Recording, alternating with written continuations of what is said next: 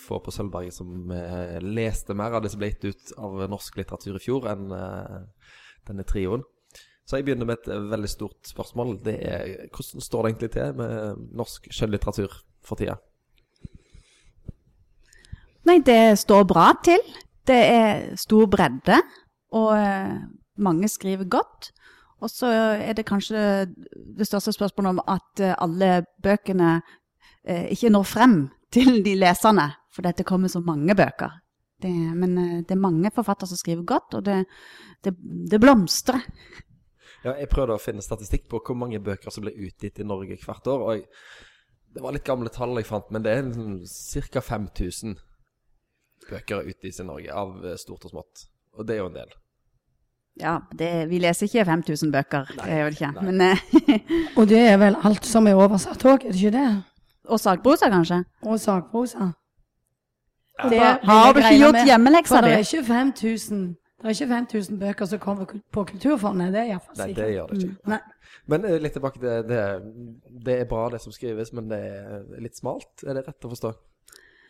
Nei, det er eh, både det ene og det andre. De bøkene vi skal snakke om i dag, det er jo bøker som er kjøpt inn på, av eh, innkjøpsordninger, som er på en måte en, eh, det er s- en statlig innkjøpsordning av bøker for å støtte forfattere og utvikle forfattere, norske forfattere.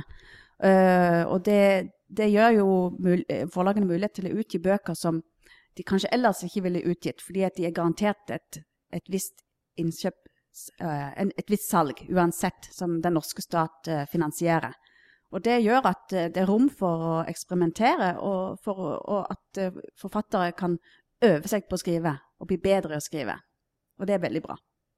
På på hvilken måte de eksperimenterer da? Er det i formen, eller er det i temaene de velger? Ja, det er jo litt det at du De er ikke nødt til å, å skrive en bestselger, ikke sant? Det er rom for å ta opp de underligste ting, og, og, og eksperimentere veldig mye med språket, sånn at man ja, får rom for å bli en god forfatter. At det ikke er noe sånn forflatning i språket for å få med seg flest mulig lesere.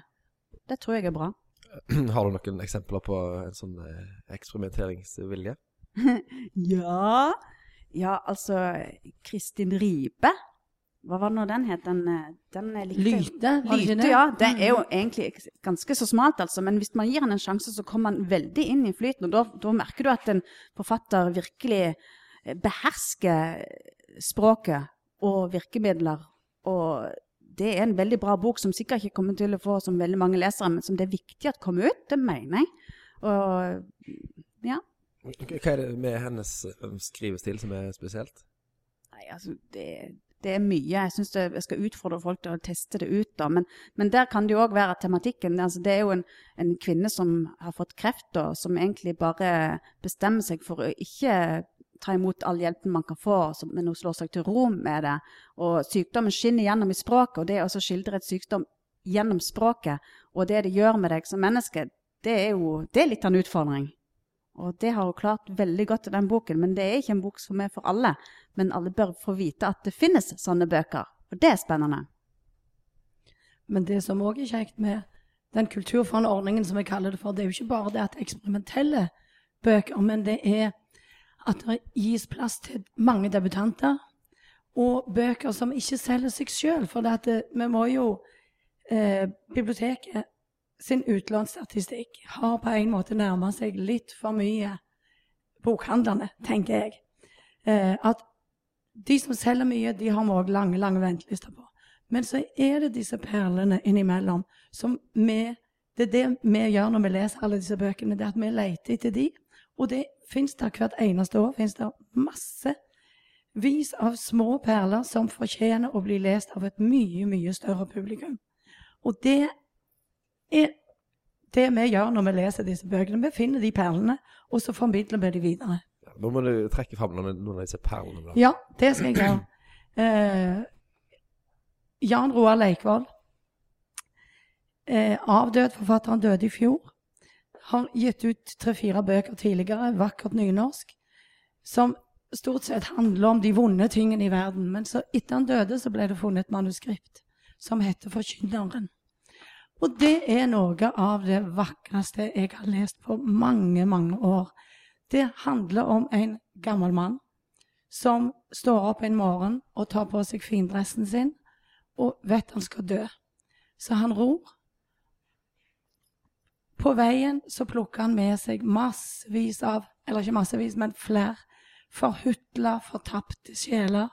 Og så er det en forsoningsprosess og en tilgivelsesprosess og en prosess som gir folk tilbake livsgleden i dette med roingen.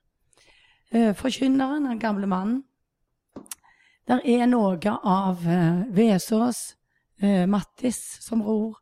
Der er noe av Den gamle mannen og havet, Steinbeck. Denne allegorien med havet som renser. Dåpen som renselse, vannet som er en renselse. Det er så vakkert. Det er en liten, lite bok. Du tar et par timer å lese, men du kan begynne på den om igjen med en gang. Det er ei sånn bok som bare folk må lese. Er det en, en bok som krever en, en avansert leser? Absolutt ikke. Det er nesten som en legende. Er- folk flest liker jo legender. Det er sånn jeg skulle ønske at jeg hadde en god um, fortellerstemme som bare fortalte denne til meg høyt. Det er jo lydbøker, men altså jeg ville sett forfatteren, som da dessverre er død, men en eller annen som sto der og fortalte meg denne historien, som vil ta 50 minutter, et, eller opptil to timer kanskje, å bli fortalt. Er, du får ro i sjela, og du blir glad i magen av å lese den andre favoritter fra i fjor? Erlend Kjøsterud, han er jo en em, eh, Hva heter det når de har skrevet masse bøker? Veteran? En veteran, takk skal du ha. Han har faktisk skrevet 40-50 romaner. Og har skriver og skriver. En trofast forfatter som blir gitt ut ikke hvert år, men annethvert år. Men i år så har han altså gitt ut ei bok som heter 'Henders verk', som òg har et eller annet bibelsk allegori i seg. Det har jo forkynneren òg, både i tittelen og i innholdet. Og hennes verk' er jo òg sånn, et eller annet bibelsk.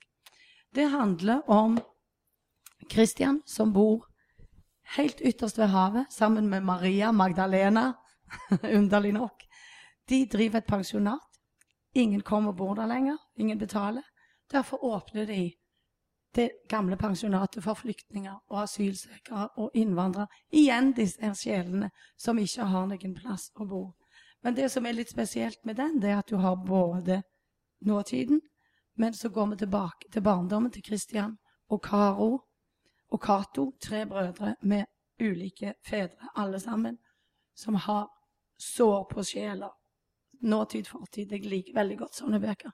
Erlend Kjøsterud fortjener et mye, mye større publikum Og enn det han har. Og hvis Aud Jorunn ikke hadde lagd sånn et flammende innlegg for den boka nå, at hvis ikke hun hadde løfta den fram, så kan jeg garantere at den boka får ganske få lesere. Spesielt med et, et uh, omslag som på en måte ikke får han til å fly ut av hyllene. Det må man kunne si. Den får, den får ikke noe hjelp fra illustratøren, nei. Nei, det gjør ikke det. Og siden dette er et lydmedium, kan dere forklare hvordan den ser ut? Det er grå forside med navnet til forfatteren, Erland Kjøsterud, og så tittelen 'Henders verk'. Og det er det. Jeg kunne lagd den i Word, faktisk, tror Ja. jeg. ja, ja. Plakatmaker Tønnesen. Ja. Er det flere du vil trekke fram, eh, når du var i gang?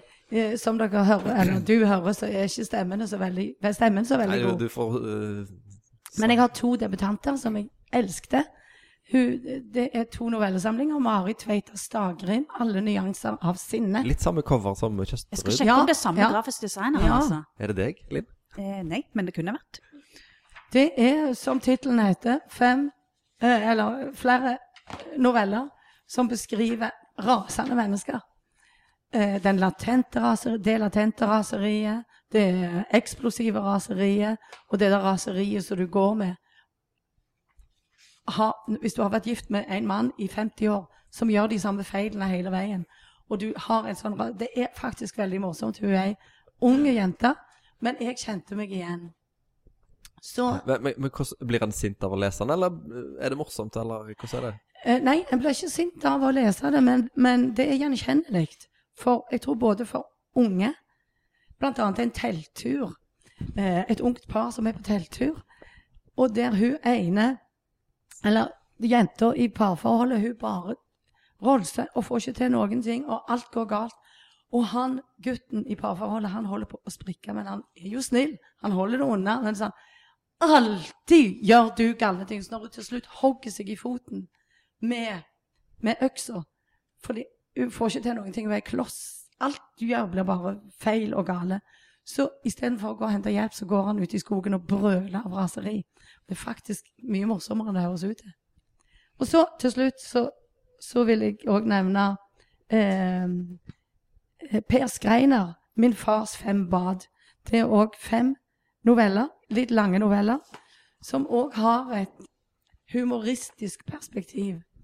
Den ene er en, et familieforhold, en familiefest, der alle kodene er kjente for de som er innad i familien. Fire søsken. Masse barn, masse barnebarn, foreldre, svigerforeldre, alt sånt.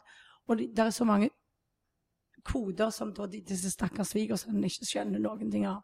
Og på et tidspunkt så ser han, fortelleren da, svigersønnen, ut på alle de som farer rundt og leker en eller annen absurd lek, og så sier han til seg sjøl Min kone ser egentlig totalt sinnssyk ut. Og det er så, det er så herlig å få le litt, for ellers er det mye død. Veldig mye sorg i det norske folk. Det er det alltid. Ja. ja for jeg var jo på en presentasjon dere hadde her i, uh, i vinter, og da skrev jeg ned uh, grupperingen dere hadde gjort av bøkene, og da var det liksom utenforskap, eh, livet på vent, forsoning, finne seg selv, var noen av overskriftene. Så det er mye smerte i, i, blant forfatterne, iallfall, Mette. Ja, absolutt. Uh, men vi hadde jo en humorkategori òg, da. Der hadde vi jo liten. klart å putte tre bøker. Ja. Det var vi ganske stolt av. Um, men det er, mye, det er mye elendighet, og det er mye ensomhet. Og jeg syns at det er er, veldig mange ekstreme eh, hovedkarakterer i disse bøkene. De skal alltid dra det så enormt langt. Eh, og det syns jeg av og til blir litt At de går litt for langt. At det er ikke Det kan bli litt for mye av det. For mye av det ekstreme, da. Men er det ikke det vi har eh, litteraturen til? At, at folk kan gjøre ting som de ikke tør å gjøre sjøl? Jo, absolutt, men jeg syns at i noen ganger Jeg syns at det har vært en del bøker i år som går så langt at det er ikke det er ikke noe å lese lenger. Nå var jeg plutselig så veldig negativ. Jeg pleier å være så positiv. Du skal være en ung, frisk, vet du, Mette. Du skal ja. være en ung vågal. vågale. Og så, så Akkurat. her. Ja.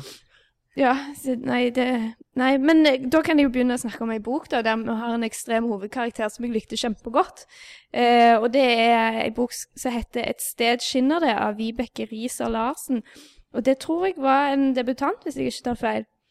Men da har du iallfall en, en, eh, hovedpersonen som er eh, som jobber på noe som sannsynligvis er Claes Olsson, og gjør en kjempegod jobb og fungerer kjempegodt i jobben sin, men hjemme så fungerer hun absolutt ikke så godt. Hun, har, hun er ekstremt ensom og har ikke noe særlig sosialt liv, eh, og, og, gjør en del ekstreme ting, da, som å eh, dissekere noen rotter eller mus på loftet og noen andre, noen andre dyr, og det er eh, og det er sånt som jeg vanligvis ikke liker, altså. Men her likte jeg det veldig godt. Og jeg syns at den beskrivelsen av denne ensomme personen var veldig god.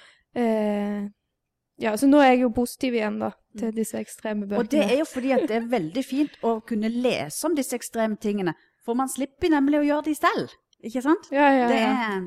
Og jeg har òg lest to bøker om rotter, der det er rotter inni inn i, eh, inn i bildet. Den ene er jo Sunniva Ly Akselsen, mm. som òg skrev om det er en kunstner som dissekrerer rotter og mus, og så går det videre med kaniner og hunder og katter. Og helt ekstremt. Men jeg òg likte han. Ja, som har, en uant ting vi liker her. Men av andre, det er jo sånne ting som vi syns er litt interessant med det at vi leser så mange av bøkene som blir gitt ut, at vi kan finne litt sånne små, rare trender, da, som f.eks. at man dissekerer eh, dyr i noen bøker. Og så har du òg et sånn I år så fant jeg et sånn veldig tydelig finn.no-tema i bøkene. At det var vanvittig mange bøker som Vanvittig mange, iallfall to-tre. eh, men det var iallfall mer enn ei, da. Som der, der liksom finn.no er et sentralt tema, da, og at man, eh, at man, snakker om At man bruker det som en del av boka, da. Ja, mange har jo sikkert fått med seg uh, alt inkludert. av Ja. eh, Marit Eikemo. Er det, er, hva er de andre Finn-bøkene? Husker dere det? Det er iallfall ei som heter Torget, av Vik Victoria Durnak. Victoria Durnak. Og så mener jeg det skal være én til. Um, hva er det disse folkene eh, Jeg har også en bok der du Der eh, en far hogger seg i foten med en øks. Tenk, det var to av de bøkene òg. Mm. Men det er flere med økser. Det var interessant. Det har vi ikke snakket om før. For jeg hadde iallfall to bøker som ha- hadde med ei øks. Det er jo godt gjort i et, et stadig mindre bondeprega samfunn. Det er ikke så mange som har øks lenger. nei. Men da kan man jo begynne å lure på hvor stort det litterære miljøet i Norge er. Fordi eh, man må jo nesten, skulle jo nesten tro at de sitter og snakker sammen, alle disse forfatterne. Og det, hva du skriver om i år? Nei, jeg skriver om økser og finn.no og sånt. Nå kan de bli invitert til øksekveld på bibliotekene, og sånn, vet du, så kan Ja. alle sammen komme og snakke om bøkene broren min ha seg for ikke så lenge siden i foten med en. Jeg føler det kom veldig nært meg. Eh, Så kan du ha med Lars Mytting òg, som har denne her veden. Ja. Øks og ved hører jo sammen. Det var en god idé. Hogstkveld på bibli- biblioteket. Hogstkveld, ja. Ja, og finn.no Samme hva du treffer, bare du hogger noe. Finn.no-kveld på biblioteket blir òg veldig bra. Ja. Mm. Men jeg har lyst til å si litt om, om det med at det, det- altså det er alltid vanskelig å finne morsomme bøker.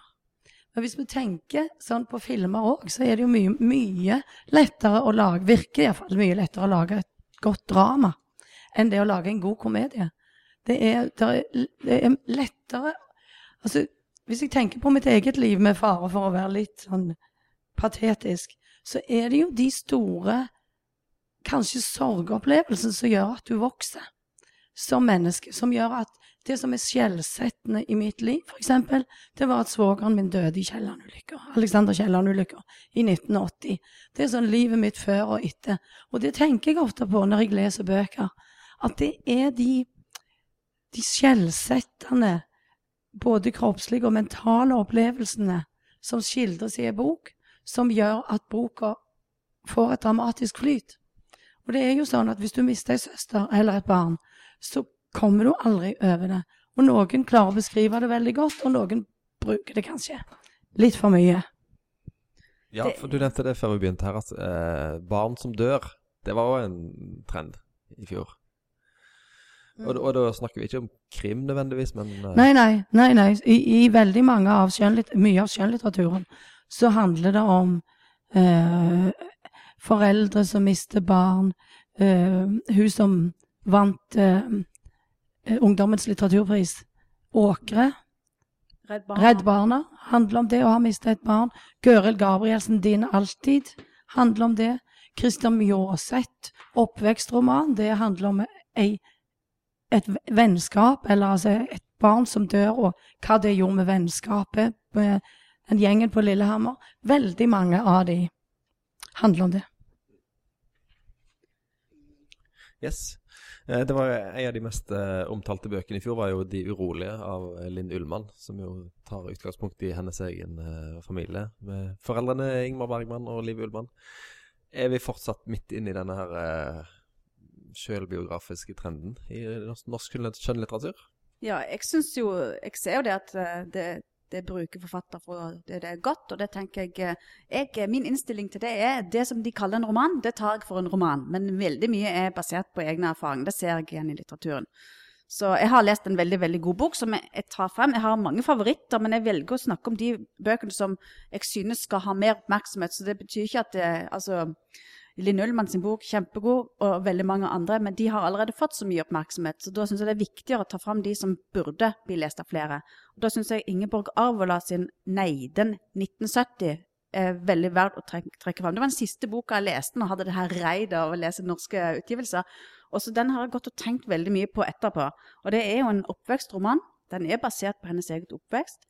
Um, um, der hun kommer fra Neiden ligger i Øst-Finnmark. Så det var veldig sånn Det er viktig er ikke, jeg har ikke lest noen bøker som Jeg har ikke lest så mange bøker som skriver om dette miljøet, da, for det er, eh, det er jo et, et bitte lite samfunn på 250 sjeler som bor i denne her lille bygda Neiden.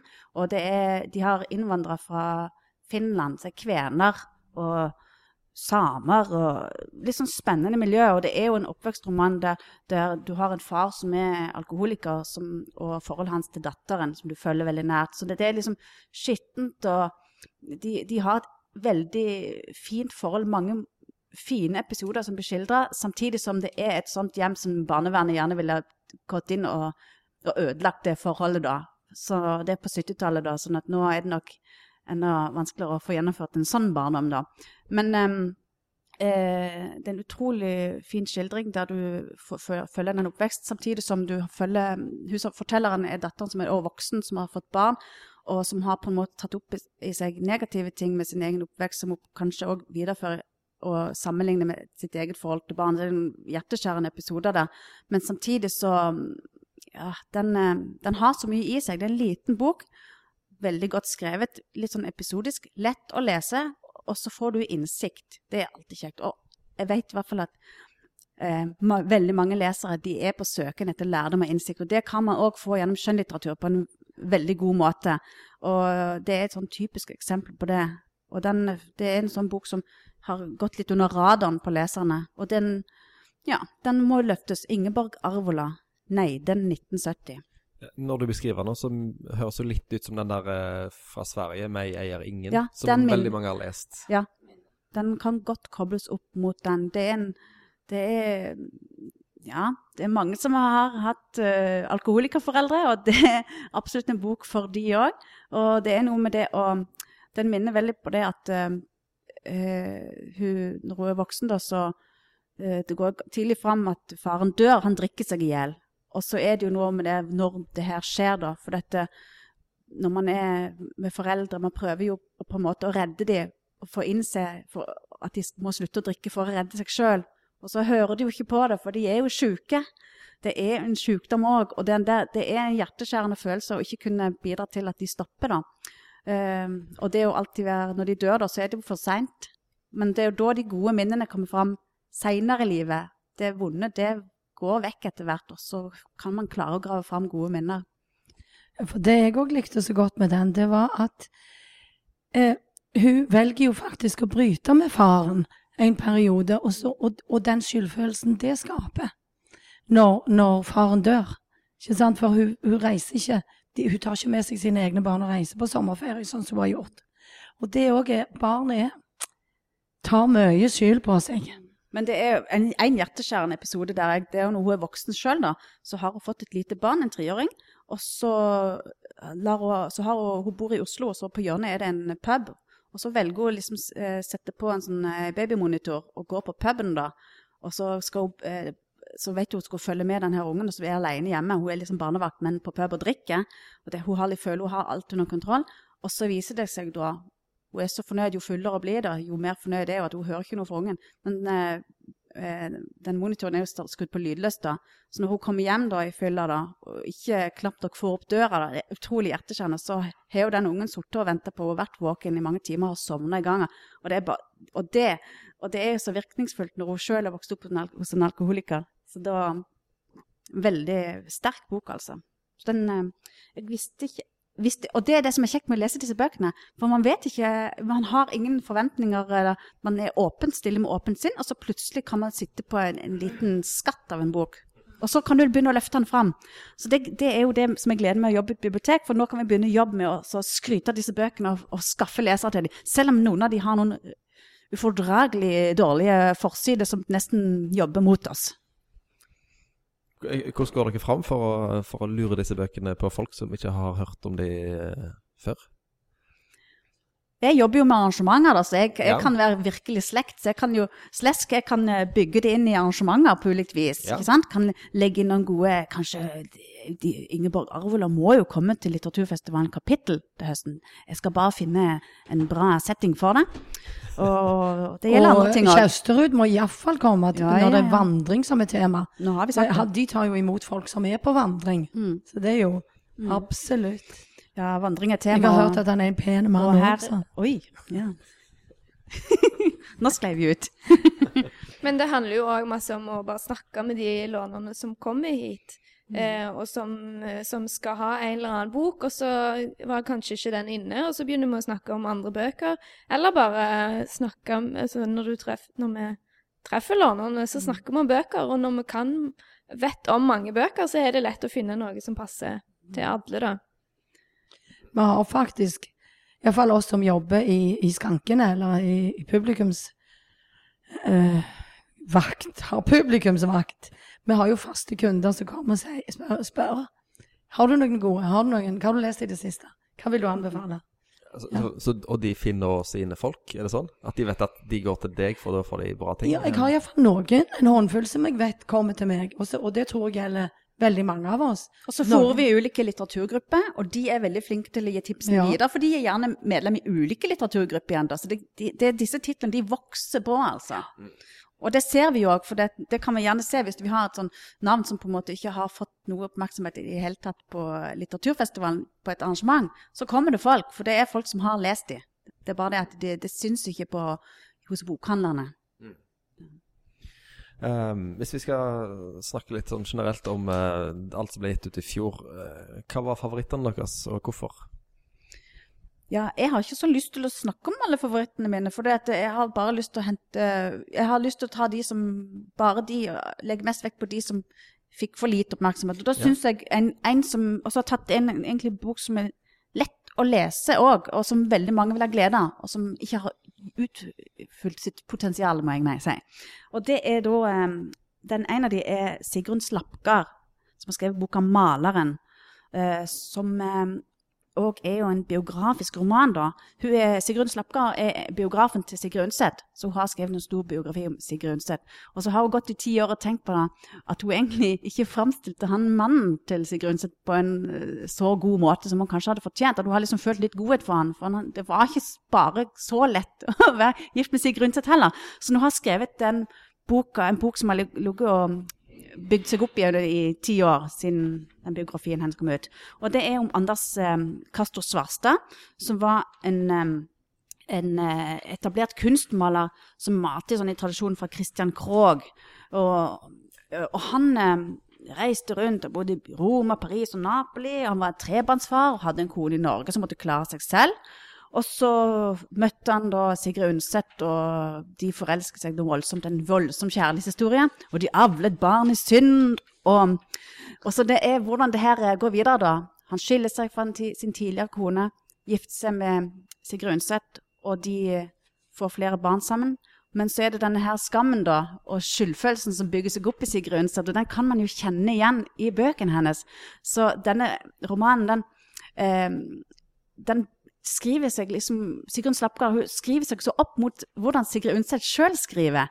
Det er det denne her skylden og sånn, det, det kommer så godt fram, og du får bli veldig godt kjent med hovedpersonene. Så han var utrolig sympatisk, denne romanen, men det er en klassisk roman. Det er ikke noe vanskelig og, noe sånt noe der, men det er en god historie som jeg vet at veldig mange kommer til å like. Men er det sånn at nå er det Sigrid Undset som kommer i litt dårlig lys, da? Siden det var han som gjorde det sist, eller? Nei, eh, jeg, jeg, jeg syns bare det at du, ser begge sider mye klarere, og at selv om mange trår feil, så er de mennesker. Altså, em, hun velges jo etter hvert å skille seg fra han, av den grunn at hun blir katolikk, og at da det at han har skilt seg for å bli gift med henne, det er begrunnelsen, ikke sant? Og at hun ikke kan eh, være gift med en skilt mann. Og da har de allerede tre barn sammen, så det er jo en og, og det er jo han eh, og, de, og det der at de begge har fått barn som er psykisk utviklingshemma, det, det ser ut til at hun har sett på at det er liksom Guds straff, da. Det er fordi de har brutt lover, da. Og, men der, eh, hvor glad de er i barna sine, begge to, at han har ikke det har ikke kommet fram. Altså, han er bare et menneske. Han har trår feil. Han støtter Hitler eh, til tider. og Det er jo masse ting som spiller inn der. Men det er en, en dramatisk historie, og det er òg en kunst Altså, det å være maler, den her stadige kampen hans om, om å for å være en maler. Han vokser opp i veldig fattige kår, og som bruker hele livet sitt på å kjempe seg opp til å bli den her eh, berømte maleren. Og får jo liksom ikke det kjempegjennombruddet, kanskje, eh, som han sjøl ønsker. Og samtidig som han eh, da lever med en Sigrid Undset som da får Nobelprisen litteratur og bare blir en knallberømt forfatter. det er kjempefascinerende lesning. Men jeg syns det er en sånn roman som gjør at du får lyst til å lese mer av Sigrid Undset. Og så syns jeg eh, Og så får han Han får et sånn mangefasettert bilde. Han, jeg husker ikke helt, jeg leste biografien når hun kom om seg Undset, så jeg husker ikke helt hva som jeg nevnte om han, men han var vel kanskje nettopp ikke så til stede, da. At han var en veldig biperson. Og han får eh, kjøtt og følelser, og den er veldig godt skrevet. Eh, Audun, hva bøker vil du spesielt trekke fram? I tillegg til Jeg har allerede sagt de som jeg likte aller best. Det var Jan, eller er Jan Roar Leikvoll, 'Forkynneren', og Erlend Kjøstrud, 'Henders verk'. Og så har jeg nevnt de andre novellene. Men bare veldig kort så vil jeg òg trekke fram hun, hun har fått oppmerksomhet, men hun fortjener all oppmerksomheten hun har fått. Anne Oterholm, 'Lilje Konvald-piken'. Den syns jeg var helt fabelaktig. Anne Oterholm har en helt særegen stemme. Ofte et eller annet sånn foruroligende som ligger unna, og det er ikke alltid vi får vite hva det er, men det der uutsagte i fortellingene til Anne Oterholm liker jeg veldig godt. Og så vil jeg òg bare si Maria Sand, eh, som jeg er litt usikker på om er debutant. Men hun har òg skrevet ei bok om barn som dør. Men dette, i dette tilfellet er det venninna, Ylva, som er vitne til at venninna dør. Og boka heter 'Hold pusten så lenge du kan'. Det er òg en flott, flott eh, leseropplevelse. Mette, hva, hva vil du trekke fram spesielt? Altså, jeg er veldig glad i å lese det som vi kaller for ung voksen-bøker. Som liksom er ungdomsbøker som godt kan leses av voksne. Eller voksenbøker som veldig godt kan leses av ungdom. Eh, og da har jeg annet ei bok som heter eh, 'Juksemaker' av Helene Guåker, som jeg likte veldig, veldig godt. Det er en sånn ekstremt lettlest bok som alle kan lese på, en, på et par timer. Eh, men en veldig, veldig fin historie om ei som liksom ikke får det helt eh, Får livet helt til, men som har samtidig tro på seg sjøl når, når det kommer til skriving, eh, og hvordan hun kjemper for å gjøre det som hun tror på, da, selv om ikke eh, de rundt henne helt tror på henne. Eh, så den likte jeg veldig godt, og syns at eh, den passer til, til hvem som helst å, å lese. Eh, om du er ung eller godt voksen. Eh, og så eh, kom jeg over ei, ei bok som da var liksom bare en av de tilfeldige bøkene jeg leste. Som eh, når jeg begynte å lese den, så følte jeg at jeg leste en ung voksenbok. sånn koselig historie og le- lettlest, men, men eh, veldig Men ga meg allikevel mye. Men som jeg absolutt ikke kan kalle noe ung voksenbok, fordi det handler om ei godt voksen dame. Så, så jeg ga det kategorien gammel ungdom-bok. Du vil Eh, helst ha med ungdom du, når du skal ja, kategorisere absolutt. Ja. Eh, og det er Marianne Fastvold som har skrevet en bok som heter 'Cocktaileffekten'. Som egentlig handler om, om ei som da skriver igjen. Det er jo veldig mye skriving i bøker. Forfattere som skriver. Eh, og hun er på De er på hytta, og, og det er sommer, og familien, eh, barn og barnebarn kommer på besøk, og så har hun en herlig mann der, og så har de noen rare naboer, og så er det litt morsomt, og så er det litt trist, og så er det litt koselig. Så, men så tenker hun så mange kloke tanker, og jeg liker veldig godt å lese andre som tenker kloke tanker. Og jeg tenker å, å sånn kan jeg òg tenke. Og, og så å ja, akkurat sånn tenker jeg òg. Sånt liker jeg veldig godt. Eh, og så ei bok som eh, Jeg vet ikke om jeg kan kalle det en gammel ungdom, for jeg følte ikke at det var det, var det rette. Men det òg handler om en godt voksen mann, da. Eh, Tormod Haugland har skrevet 'Mørk materie', som var en bok som var nominert til Ungdommens kritikerpris. Eh, og det handler om en, eh, om en, om en mann i 50-åra som ikke har noe kontakt med familien sin, men som skal bygge en fotballstadion i nabobygda. Og jeg syns det er et veldig er rart utgangspunkt, og absolutt ikke noe jeg ville lest eh, fordi at jeg leste på baksida at det var det det handla om. Eh, men jeg likte det kjempegodt. veldig, jeg likte språket veldig godt. En, sånn korte nynorske setninger, en del gjentakelser. og eh, Jeg syns det var veldig fint. Og, og hovedkarakteren var liksom Han traff meg på et eller annet vis. Selv om han var en 50 år gammel mann som bygde fotballstadioner. For Ja. meg høres dette ut som en slags sånn Dette kunne vært en av de der svenske bøkene som alle leser. sånne litt sånne rare menn som har prosjekter. Ja. Eh, Men var, var det komisk, eller eh, Nei, det var ikke noe særlig komisk i det hele tatt, For det er en norsk bok, tross alt. Så det Ja. var ikke så komisk. Ja, ja, og det var jo svært eh, eh, Familieforholdet er jo veldig viktig, da. At han ikke har noe kontakt med faren eller bestefaren, men så får de litt kontakt allikevel, og går dette bra? Og, ja, ja, men jeg syns det var helt topp. Men jeg tror ikke at eh, ungdommen likte det så veldig godt, da. De som, ungdommene som leste til Ungdommens kritikerpris. Eh, Å lese om foreldrene sin generasjon er jo kanskje ikke Nei, jeg tror ikke det er det om 50 som år gamle menn. Det var ikke det jeg ville lese om da jeg var 17. Nei, akkurat. Det, det burde de få slippe. Ja. Men eh, det var, var godt skrevet, i det minste. Men jeg må spørre dere. Dere har jo lest masse uh, fra hele verden i tillegg til Norge. Er det, sånn som dere ser er det noen hull i, i liksom norsk samtidslitteratur? Er det en, noen type romaner dere savner, som skrives i utlandet, men som få norske forfattere prøver seg på? Altså, er det Kan dere si noe om det? Ja, jeg vil jo si at uh, jeg er jo fryktelig glad for at uh, det, vi får litt litteratur fra resten av verden òg, da. Og jeg er vel den som har kanskje Jeg, jeg, jeg trenger den litteraturen òg, for jeg, jeg syns man må ut i verden. Jeg er veldig opptatt av oversatt litteratur. Så jeg tenker du skal ikke lenger enn til både Sverige og Danmark, så har det kommet veldig gode romaner i fjor, da. Og jeg vil i hvert fall først og fremst trekke fram Stiv Sem Sandberg, eh, som har skrevet De utvalgte. Eh, veldig ubehagelig tema, men det er noe med det Det er jo utrolig Samfunnsnytten av å skrive en kjempeviktig roman som er sånn utrolig godt komponert og har alt innhold. Og det, du kan kan, du si litt om Eh, når den foregår? Ja, Det er eh, handling fra andre verdenskrig, og med et av de temaene som kanskje man, man i hvert fall ikke skal glemme. Det har jo med eh, barmhjertighetsdrapene som ble utført på eh, barn som eh, tyskerne mente gjorde den, ødela den tyske rase, da, ikke sant? At barn ble, som kanskje var psykisk utviklingshemma eller hadde et eller annet eh, fysisk handikap, ble henta vekk fra foreldrene og så ble plassert på hjem, og etter hvert ble, eh, ble drept da, med giftsprøyte. Og ble liksom fjernet, skulle fjernes fra samfunnet. Så det er handling fra eh, et, et stort eh, eh, hjem, da, som sorterte disse menneskene, og etter hvert eh, ja, drepte de.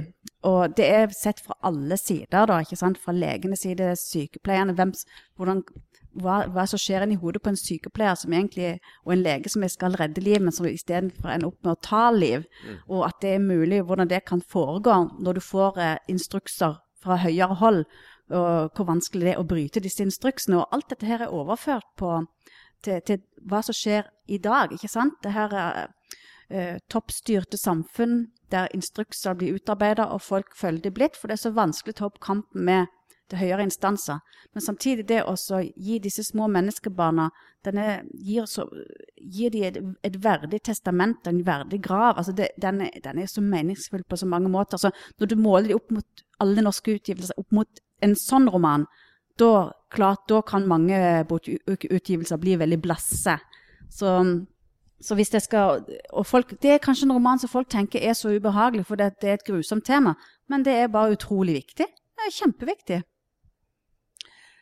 Jeg savner, og det har jeg gjort i mange år, litt mer samfunnsengasjement i romanene. Jeg syns trendene de siste ti, ja, ti år Bare for Det er mulig jeg kan bli arrestert på det, men la meg si det er ti år.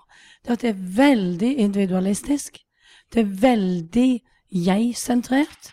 Og den nære familie og mine egne følelser. Og å, far så meg ikke da jeg hadde den røde kjolen på meg og kom ned trappene. Altså Det er på grensa til narsissistisk, for å bruke et litt jålete ord. Men, men mange av de er gode for det. Men jeg savner det. Jeg syns det er altfor lite samfunnsengasjement i den nye norske litteraturen. Samfunnsengasjementet er i kriminalbøkene. Ja, eh, altså I USA så snakker de hele tiden om at uh, The Great American Novel, sant? Ja. Romanen som tar opp i seg alt Ja. ved, ved dagens USA, og gjerne fortid og framtid og alt mulig rart, på 500-600 sider. Hvem er det som har de ambisjonene i Norge? Og liksom, nå skal jeg det. Skrive boker som setter punktum for som, som setter alt annet i skyggen. Hvem er de der stormannsgale norske forfatterne? Den stormannsgale må jo være Knausgård. Men det er jo, det er jo han sjøl og familien. Det er han sjøl, men det som er, som, som til og med jeg, som var kritisk i utgangspunktet, blir sjokkert over at jeg liker så godt, det er jo at han klarer å løfte det der. Det hverdagslige. Det hverdagslige opp til det allmenngyldige. Og det syns de kanskje ikke alle andre gjør. Altså, det blir, det blir, for, det blir for individualistisk. Hva med deg, Mette? Er det noen eh, romantyper du savner? Fra Nei. norske forfattere? Du er fornøyd? Jeg vet, jeg vet ikke hva jeg skal forvente, tror jeg. Kanskje fordi at jeg ikke har lest i så mange år som Jorunn og Linn har gjort, så har jeg ingen uh, sånne høye forventninger ennå. Men jeg tror at uh, jeg tror at om ti år så sitter jeg her kanskje og sier det samme som Jorunn, eller noe sånt. Men, men jeg tenker, sånn når jeg satte opp min liste, så tok jeg jo med oversett litteratur. så derfor, eh, og da, Det som jeg tenkte ga veldig stort inntrykk på meg i år, det var jo det der, de forfatterne som tok opp menneskeverdet. Og det fant jeg jo òg altså hos Steve Sem Sandberg, og så hos Sara Stridsberg i den Bekkomberga, eh, der handlingen foregår på et mentalsykehus utenfor Stockholm. Det er jo òg eh, eh, sannsynligvis eh, litt eh, basert på egne opplevelser òg, da. Hvis man kjenner litt til forfatteren. Men der er det jo òg der at eh, alle disse ulike menneskene får et menneskeverd. Og det kan man overføre på flyktningsituasjonen av i dag. Hvordan vi klarte oss å um, fjerne oss så fra det å leve oss inn i andres livssituasjon. ikke sant? Det er en grunn til at disse menneskene flykter. Og dette er en gjentagelse i forhold til hvordan det var før og under andre verdenskrig. Og den her, hvordan man vi bryr oss så om vårt eget og har glemt å tenke enkeltmennesker. At eh, det er sånn som, Så det tenker jeg, det fant jeg i, i, i flere romaner. Eh, og jeg tror kanskje at Jorunn fant det òg i noen av de romanene hun leste. så tenk, Vi har lest litt ulike ting, men det tenker jeg det er fint å finne igjen. Uh, Iallfall i bøker, for det føler jeg mangler jo litt i samfunnet nå. At det, politikerne ser ikke det tydelig lenger. At det, Ja, jeg er veldig enig i det. Men det jeg òg savner og venter på, det er den store norske innvandrerromanen. For Den, den har vi jo også hørt om i norsk litteraturdebatt. Ja, vi har hørt om han, eh, men jeg tror ikke han har kommet ennå. Jeg venter på en Kureishi, en norsk Kureishi som har eh, det multikulturelle England. Eh, Og jeg venter på en Kemiri fra Sverige, som har en fantastisk syrisk-svensk stemme. Eh, der, der, har, der har vært gode forsøk, men der er for få. Og når du tenker på arbeidsplassen vår, biblioteket, der innvandrerne og innvandrergruppene er, er så fantastisk gode brukere, så skulle jeg ønske at de òg hadde en sterkere stemme på det som ble lest, med sin egen fortelling. Så det oppfordrer jeg folk til, forlagene til, og òg forfattere til. Eh, aller eh, til sist så må jeg spørre om noe som jeg ofte har lurt på. Eh, Det er eh, Har dere noen gode lesestrategier til folk som ikke eh, har, eh, er så drevne lesere som dere? Hvordan hva, hva gjør du, Mette, for liksom, når du leser bok? Går du på et rom for deg sjøl? Går du ut Setter deg uten mobil? Eh, Hva er liksom metoden? Nei, jeg må være sammen med andre for å lese. Jeg må ha noen andre mennesker i rommet for å klare å konsentrere meg. For hvis jeg ikke har noen andre mennesker, så tar jeg mobilen, og så begynner jeg å sjekke om det er noen andre mennesker der. Og så skal jeg liksom ha kontakt og tenke hva skjer ute i verden. Men hvis jeg har noen andre mennesker i rommet, så er jeg liksom litt mer avslappa Så du trenger noen i rommet du Så jeg trenger avvise? noen i rommet for å kunne konsentrere meg om ei bok, og så kan de gjøre hva de vil. Eh, men eh, det handler jo egentlig mest om å klare å legge vekk mobilen, da. Mhm. Eh, men jeg bruker jo mobilen for å lese e-bøker, sånn at jeg leser når jeg er på farten, eller når jeg venter på noen, eller sånne ting. Og det er egentlig da det går mest unna, på en Mm. måte. At når man bare bruker dødtida si til å lese. Jeg er helt motsatt. Ja, jeg er helt motsatt. Ok, eh, Linn, les tips. Jeg, jeg, må, jeg må ha helt ro. Jeg må få hele familien til å forsvinne, så vi helst eh, fordufte. Og jeg liker òg å lese en roman fra A til Å i, i løpet av noen timer. Jeg liker ikke å bli dratt ut av samlingen, så jeg, når jeg først, min beste, mine beste leseopplevelser er når jeg kan lese en roman eh, på en kveld. Eller en natt. Du må ha god kustus på familien, da, siden du får Nei, dette til. de blir neglisjert da, innimellom. Oh, ja. Da må de trekke seg litt tilbake igjen. Og, eh, ja, og ikke forstyrrelser, ikke noen sånn mobiler, ikke musikk, og ikke vin. Ingenting. Heidi Jorunn, hvordan leser du? Altså, jeg, jeg leser alltid, overalt. Jeg leser i badekaret og på sofaen og i senga og mens jeg spiser, eller kanskje ikke det. På bussen, på toget, på stranda. Jeg, jeg leser alltid. Hvis, for jeg er ikke så Altså, jeg, jeg elsker padda mi, iPaden min. Men mobilen har jeg liksom ikke knekt ennå, så den gidder ikke jeg å sjekke. Men hvis jeg har iPaden, så driver jeg og leter litt innimellom. Men ellers så leser jeg alltid.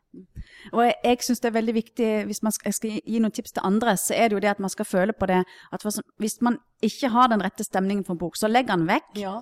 Man kan alltid ta, gå Jeg har alltid massevis av bøker liggende. For det, det er liksom ikke Jeg tar det på dagsform. Hvilken bok har jeg lyst til å lese? Det må være en lystfølelse. Det skal aldri være fordi jeg føler jeg må. Jeg skal ha lyst til å lese. Så jeg leser veldig mye ulik litteratur. Sakprosa, oversatt. Men norsk lese ut. det er jo litt må. Litteratur. Når vi leser oss opp på kulturfagbøkene, Ja, ja. da er det litt må. Ok. Tusen takk for gang.